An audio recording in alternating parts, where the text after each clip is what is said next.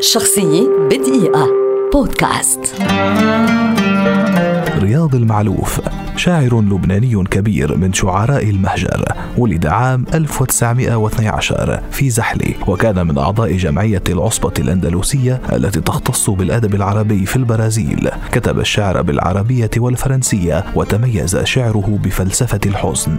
ينتمي رياض المعلوف إلى أسرة عريقة أنجبت الشعراء والمؤرخين والكتاب. فوالده عيسى اسكندر المعلوف العالم والمؤرخ والعضو في ثلاثة مجامع علمية ووالدته زوجته عفيفة كريمة إبراهيم باشا المعلوف وأخواله الثلاثة قيصر وميشيل وشاهين شعراء ساهموا في الحركة الأدبية والصحفية العربية الحديثة. في وسط هذه البيئة الثقافية الراقية تجلى نبوغ رياض المعلوف وظهرت عليه علامات العبقرية في سن مبكرة. فقد بدأ القراءة في الثالثة وأحسنها في الخامسة وراسل أباه من زحل إلى دمشق في الثامنة. عام 1921 أبحرت برياض المعلوف سفينة الغربة من بيروت وحط به الرحال في البرازيل. وهناك التقى نخبة من الأدباء شباب فغلبت عليه نزعته الأدبية وانغمس في الأجواء الثقافية السائدة. وظهرت آثاره الشعرية في كبريات الصحف العربية في الوطن والمهجر. كما نشر معظم أعماله مترجما في الصحافة الأجنبية. ودعي لإلقاء شعره في المحافل الأدبية. صدرت له عدة دواوين بالفرنسية منها ملحمة ليليت.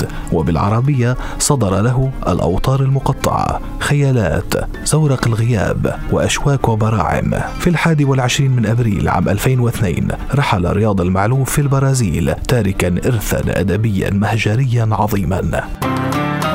شخصية بدقيقة. بودكاست.